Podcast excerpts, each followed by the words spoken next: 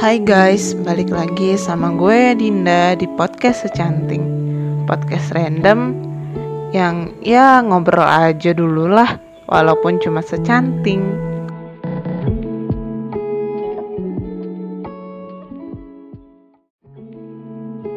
Nah, nggak kayak podcast-podcast sebelumnya nih. Kali ini gue nggak sendirian dong. Ya walaupun gue jomblo sih ada mas gue yang bakalan nemenin gue ngobrol hari ini.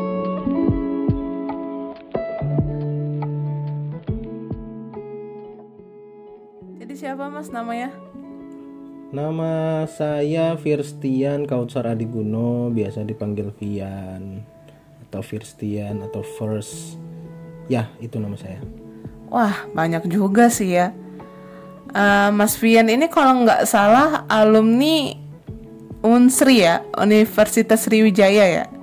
Ya benar, saya satunya dulu di Unsri Teknik Elektro di Indralaya.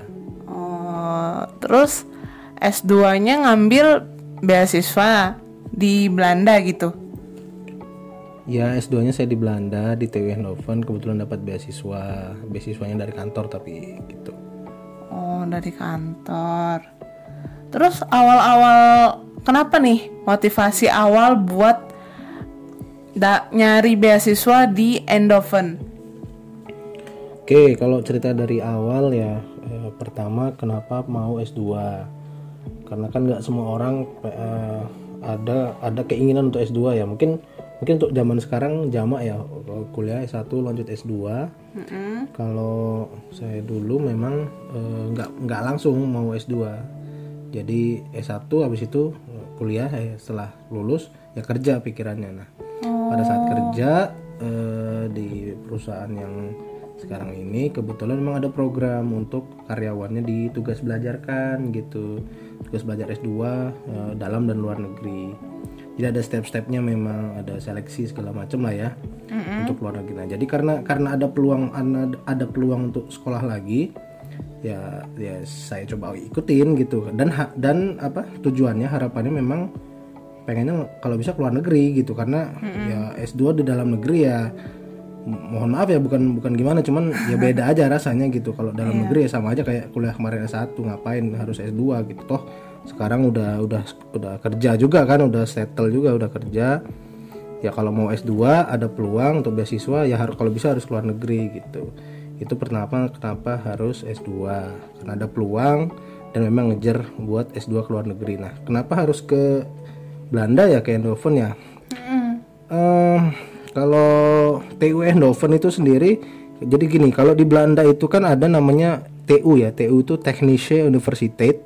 Itu artinya adalah universitas teknik ya. Kalau di Indonesia kayak ITB ITS gitulah ya. Yeah. Ya, jadi kalau di Belanda itu ada beberapa TU yang yang memang uh, untuk engineer gitu, uh, apa jurusan-jurusannya memang spesialis untuk engineer-engineer. Jadi ada TU Delft yang paling terkenal, terus yang kedua ada TU Eindhoven, terus ada uh, TU Bentar kok saya jadi lupa ya. Ada Wageningen sekarang jadi TU juga sama Nijmegen TU Nijmegen. Nah, Endoven ini menurut saya memang nggak sesulit kalau kita kuliah di TU Delft. Ya, se ini ya pengetahuan saya pada saat itu ya. Dan yang pasti memang uh, kalau teman-teman tahu namanya Philips, perusahaan Philips mm-hmm. yang bikin lampu, bikin TV, bikin radio, bikin elektronik lah. Mm-hmm. Itu berasal dari kota Endoven. Gitu. Ui. Jadi memang perusahaan Philips itu asalnya dari Eindhoven. Nah, sebagai uh, engineer, saya engineer teknik elektro ya, te electrical engineer. Tentu ha, apa impiannya adalah bisa uh, apa uh, walaupun nggak masuk di perusahaan Philips tapi bisa bisa merasakan uh, gimana rasanya uh, kuliah di di area yang yang yang ber, yang asal asal muasal dari listrik lah dari lampu segala macam ya si Philips itu. Makanya tujuannya adalah ke Eindhoven. Nah selain itu juga kalau di Belanda kan Eropa ya. Eropa itu mm -hmm. kita kalau teman-teman tahu itu Uni Eropa itu kita bisa ke mana aja selama masih negara-negara Uni Eropa gitu. Jadi bebas. Mau ke dari Belanda ke Belgia ke Prancis ke Jerman itu gampang banget gitu. Jadi kenapa memutuskan untuk ke situ pada saat itu? Gitu sih kira-kira Mbak Dinda. Oke, itu tesnya langsung keterima ya?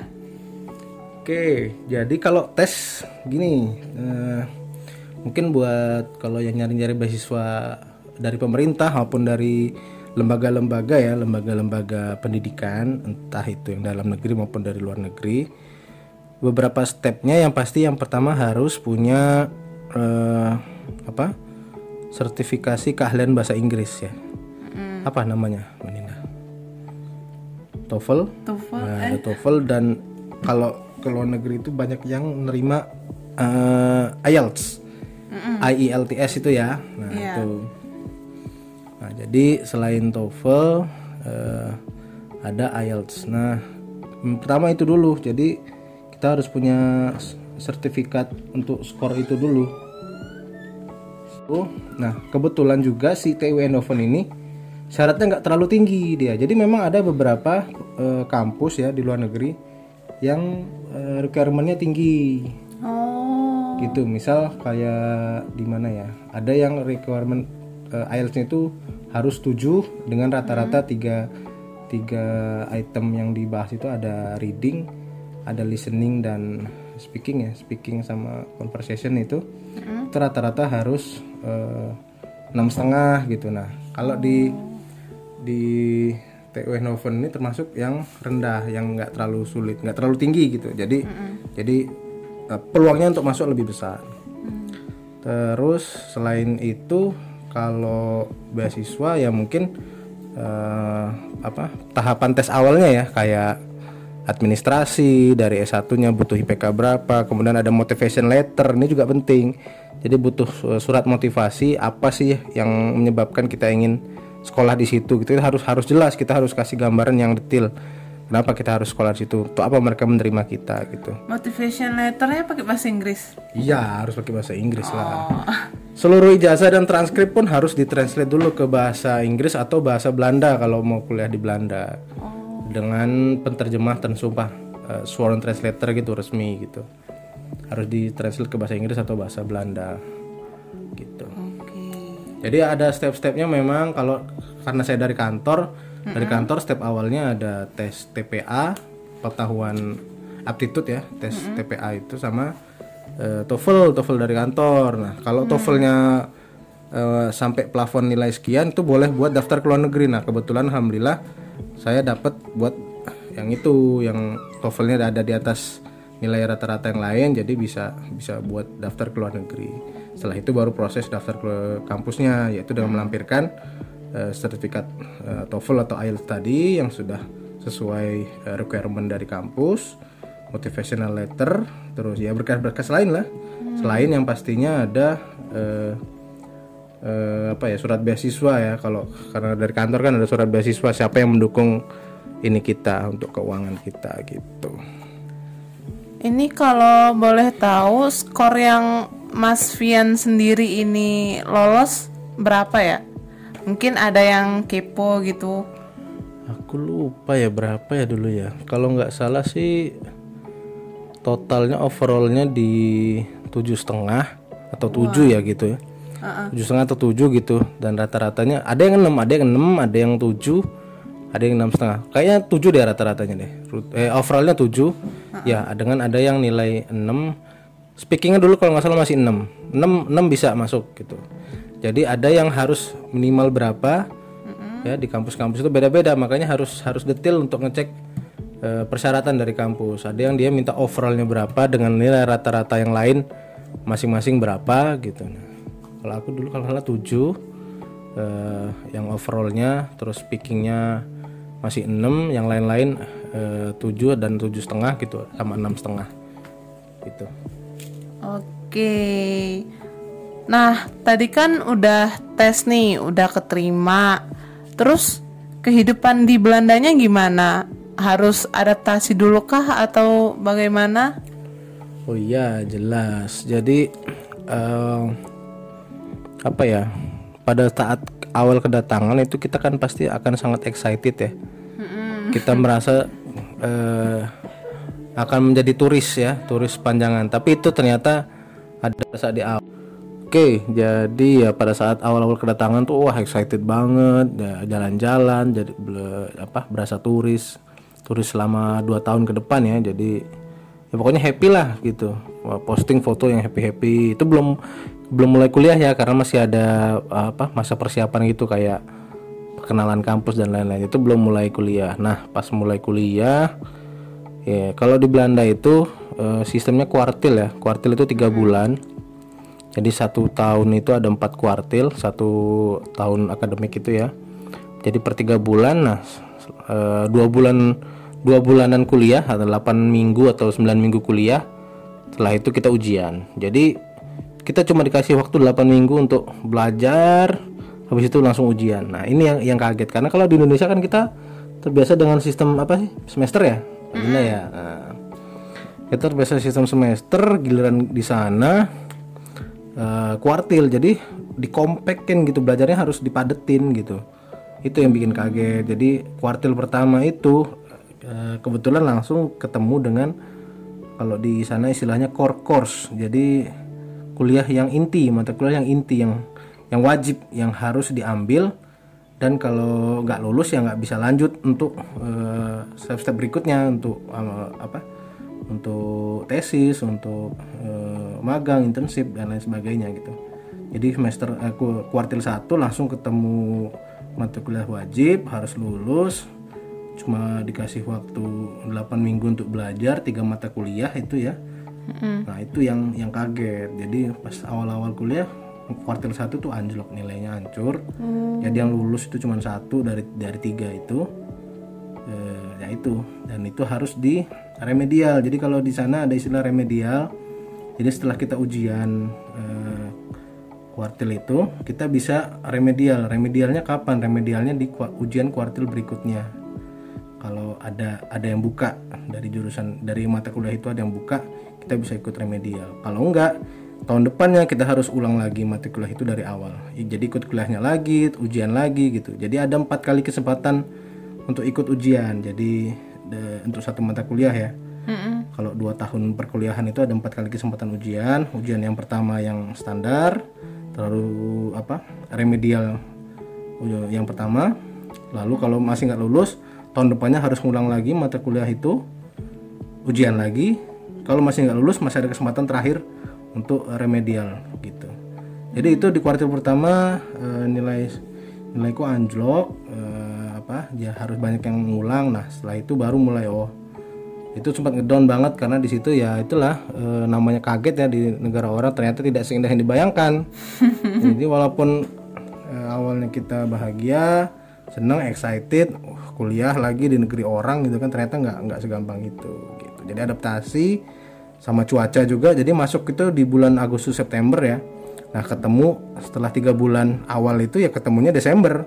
Desember ini ya udah suasananya ya kelabu kelabu kelabu gitu mana kelabu nilai anjlok semua ya udah. Jadinya suasana ininya ya ikut ikutan down semua gitu. Jadi setelah itu baru mulai menyusun oh harus gini gini gini strateginya supaya nggak salah. Terus di Belanda ngekos sendirian gitu atau gimana? Terus biaya hidup di Belanda itu apakah termasuk murah atau mahal? Oke, kalau tinggal kebetulan pas awal-awal sempat sendiri ya sekitar dua bulan. Nah, karena saya udah berkeluarga, jadi eh, bulan ketiga tuh eh, keluarga nyusul, jadi pindah ke apartemen yang buat keluarga. Nah, kalau dibilang biaya hidup ya, biaya hidup kalau di Eropa itu sebenarnya murah kalau kita tidak membandingkan dengan rupiah gitu. Misal kita beli apa ya? beli minum ya beli minum eh, sebotol itu sekitar paling satu euro paling mahal. Nah, kalau dirupiahin kan jadi mahal jadi 16.000 ribu gitu. Jadi mahal. Padahal kalau satu euro setengah euro itu murah banget kalau di sana terus makan juga rata-rata kalau kita jajan di luar ya standarnya sih antara 3 sampai 5 euro. Itu murah sebenarnya kalau di sana. Temen kalau kita rupiahin misal kita beli kebab gitu ya 5 euro 80.000 ribu kan kalau di Indonesia itu dikali 16.000 ribu. Ya jadinya mahal. Jadi tips pertama adalah kalau kita awal-awal mungkin masih ini ya masih selalu dikali ke rupiah dikonvert ke rupiah gitu. Wah jadinya mahal. Jadi lama-lama udah biasa aja gitu tapi yang mahal kalau di sana menurut saya adalah sekarang perumahan hosting kita nyari rumah itu susah susah dan mahal gitu karena demandnya sangat tinggi banyak mahasiswa banyak ekspat yang datang ke sana ya terutama Endoven ya Endoven itu kan tadi sudah saya bilang di awal itu eh, tempat perusahaannya Philips dan banyak perusahaan teknologi jadinya sekarang di situ. Jadi Endoven itu adalah Silicon Valley-nya eh, Belanda, Silicon Valley-nya Eropa. Itu di Endoven. Jadi istilahnya di Endoven itu brain port. Jadi eh, pelabuhannya otak di situ, brain port eh, Endoven. Jadi nyari rumah tuh susah, nyari housing tuh susah dan mahal. Itu sih yang mahal.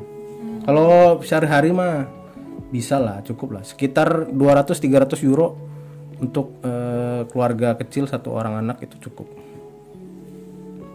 Oke, di Belanda susah nggak nyari makanan halal gitu? oke ini juga salah satu eh, apa ya opsi ya salah satu salah satu salah satu alasan kenapa pilihnya Belanda. Ya pertama karena eh, hubungan antara Belanda dan Indonesia itu udah terjalin dari jauh ya. Jadi banyak orang Indonesia di sana banyak restoran Indonesia di sana. Itu yang saya tahu dan ternyata pas di sana juga banyak ini komunitas muslim. Jadi banyak orang-orang yang dari apa Timur Tengah dari Syria dari Afghanistan dari Maroko dari Turki terutama ya itu banyak yang sudah eh, di warga sana gitu. Jadi untuk nyari makanan halal apa toko-toko halal restoran halal itu gampang banget gampang dan dan murah gitu. Biasanya toko-toko Turki itu lebih murah daripada eh, toko-toko yang lain gitu lah. Jadi biasanya kita belanja eh, makanan-makanan itu sering di toko Turki. Belanja bahan-bahan ayam daging itu di toko Turki gitu. Karena banyak-banyak juga orang Turki. Jadi kalau di Belanda insya Allah nggak nggak susah. Nah, pertanyaan ini ada satu pertanyaan yang bikin gue penasaran nih. Di luar tuh kan, di luar negeri itu kan banyak orang yang rasis nih. Di Belanda kira-kira ada nggak yang rasis gitu? Oke, eh, kalau dari pengalaman saya sendiri sih belum ada ya, belum belum pernah ya. Eh, mungkin eh, di mana-mana ada ya namanya rasis ya, yang namanya white supremacist itu ada. White supremacist itu ada, jadi orang yang terlalu membanggakan dirinya sendiri, rasnya sendiri. Nah, tapi biasanya itu juga terpengaruh dari apa ya? Kalau mereka habis konsumsi alkohol gitu, mereka habis minum mungkin suka eh, aneh-aneh lah tingkahnya. Tapi tapi so far selama saya di sana sih nggak nggak terlalu malah malah mereka kan ini ya apa terkesan ya sudah kalau urusan anda sih itu ya itu kami nggak akan campur campur tangan dengan ibadah anda itu. Asalkan anda tidak mengganggu gitu. Misal kita sholat ya sholat kalaupun eh, lagi rame ya cari tempat yang sepi yang mojok gitu. Jangan sholat sengaja di tengah jalan gitu kan. Itu kan nggak nggak etis juga gitu. Jadi kalau kalau rasis sih ada tapi tidak tidak yang yang banyak kayak gimana gitu. Oke, untuk yang terakhir kali nih, ada nggak sih kata-kata kayak motivasi atau penyemangat gitu buat anak-anak mahasiswa, terutama yang udah alumni nih, yang mau lanjut S2 di luar negeri, juga mungkin beberapa tips yang bisa dibagi gitu. Hmm, Oke, gini ya kalau eh, mau S2 pastiin dulu apa tujuannya apa gitu. Kalau memang nanti buat eh, setelah setelah lulus S2 mau balik ke Indonesia, entah jadi pengajar, entah jadi peneliti, ya cari beasiswa yang eh, apa yang memang nanti akan mengharuskan pulang ke Indonesia atau atau membebaskan untuk pulang ke Indonesia. Nah, kalau tujuannya adalah e, berkarya di luar negeri, e, kerja di luar negeri, ya cari yang tidak ada ikatan gitu. Cari yang dari lembaga pendidikan di di Eropa, misalnya dari Stunet kalau Belanda ya, dari Nufik Neso gitu ya. Kalau e, di Belanda atau dari pemerintah e, pemerintah lokal, misalnya dari Swedia atau dari mana yang saya tahu kalau di Eropa tuh ada Erasmus ya program Erasmus nah ini ini kalau mau nanti setelah lulus ya udah stay di sana aja gitu. Nggak ada keharusan wajib ke balik ke Indonesia. Lalu yang kedua tentu ya apa ya uh, tujuan kita sekolah itu kan memang memperkaya ini ya pengetahuan ya. Jadi kalau yang saya rasakan pribadi teknis pengetahuan teknis memang dapat ya. Tapi yang lebih penting itu adalah pengetahuan non teknis jadi memperkaya soft skill kita ya. Kita hidup di luar negeri dengan bahasa yang berbeda dengan orang-orang yang berbeda itu akan e, menambah ya, soft skill kita. Jadi itu yang harusnya lebih lebih dapat ya daripada cuman pengetahuan. Oke pengetahuan dapat ilmu pengetahuan dapat grade dapat terus apa ya ijazah dapat tapi saya yakin bahwa soft skill yang bakal didapat itu jauh lebih berharga karena itu bisa dipakai waktu kita pulang ke Indonesia, waktu uh, kita ke mana pun nanti itu akan itu akan jadi bekal yang yang baik banget. Itu yang yang kedua. Lalu yang ketiga ya tentu kita nanti akan uh, apa menghadapi uh, macam-macam orang ya dan pasti pakai bahasanya ya bahasa Inggris itu yang harus ditingkatkan bahasa Inggris sama sesekali belajar bahasa lokal. Kalau di Belanda atau di di mana ya di di kalau di Inggris pakai bahasa Inggris ya. Di Jepang nah, mungkin di Jepang mungkin di Eropa eh, di di Korea, Korea. di Taiwan nah itu hmm. belajar bahasa Jepang eh, bahasa bahasa lokal. Tapi kalau di Belanda memang karena sistem pendidikannya uh, pakai bahasa Inggris jadi nggak masalah ya. Jadi kita di kampus hari pakai bahasa Inggris. Nah kalau ke pelosok-pelosok belanja mungkin sesekali pakailah bahasa lokal untuk memperkaya eh, pengetahuan bahasa kita. Itu itu kalau dari saya sih. Jadi uh, fokusin dulu mau apa di sana terus tingkatin uh, kemampuan bahasa Inggris tingkatin koneksi. Jadi kalau dari sana ya carilah koneksi banyak-banyak. Ikut organisasi ada PPI kan perkumpulan pelajar Indonesia di mana-mana itu diikutin ya, karena bisa ada akses ke, ke BRI orang-orang kedutaan ya. Terus orang-orang uh, luar sana yang jadi sponsor yang jadi acara apa pun itu itu bisa bisa dapat banyak banyak insight dari mereka. Jadi perbanyak koneksi, eh, perbaiki bahasa Inggris, tingkatkan bahasa Inggris, sama pastiin tujuannya mau apa setelah lulus S2. S2 itu untuk apa sih gitu. Itu dulu.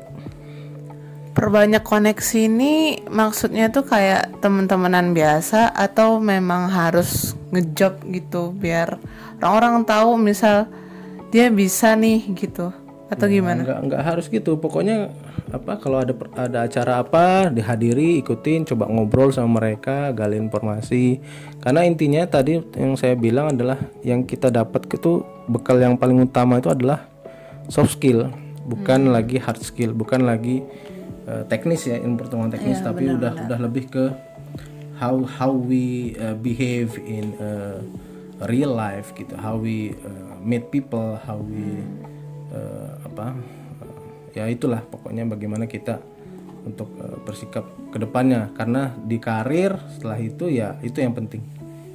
Begitu. Oke. Jadi intinya selain pengetahuan pengalaman dan soft skill itu sangat dibutuhkan ya di uh, li di lingkungan kerja ya. Betul. Oke.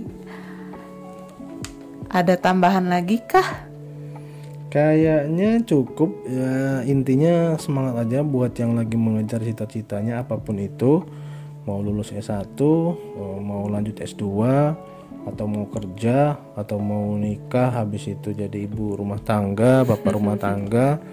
Intinya harus semangat, fokus. Yang penting uh, tujuan itu harus selaras dengan uh, apa ya restu orang tua gitu. Orang tua tua pasti mendoakan yang terbaik. Nah, kita harus harus harus selaras lah jangan sampai uh, apa melenceng. Uh, melenceng dari yang dicita-citakan dan didoakan oleh orang tua. Iya. Jadi kalau kalaupun mau S2 ya mohon restu sama orang tua, mohon doa sama orang tua. Hmm. Kalau mau kerja di tempat yang bagus yang kita cita-citakan mohon restu sama orang tua. Minta doa sama orang tua. Pasti uh, apa uh, semua yang kita kita keberhasilan keberhasilan yang kita terima itu mm -mm. pasti ada salah satunya doa orang tua yang yang mm. terselip di situ yang yang ini. Karena ya saya yakin uh, apa pengalaman pengalaman saya selama ini ya pasti ada doa orang tua di situ. Gitu teman-teman. Selamat uh, apa ya selamat berusaha dan semangat. Oke balik lagi sama gue Dinda. Sekian dulu ya untuk hari ini. Semoga yang mendengar tidak kapok. Buat kalian yang lagi capek, Ya istirahat ya. Yang lagi nungguin chat doi Jangan overthinking. Jangan lupa follow akun kami Di @dnz DAAZ Terima kasih. Bye bye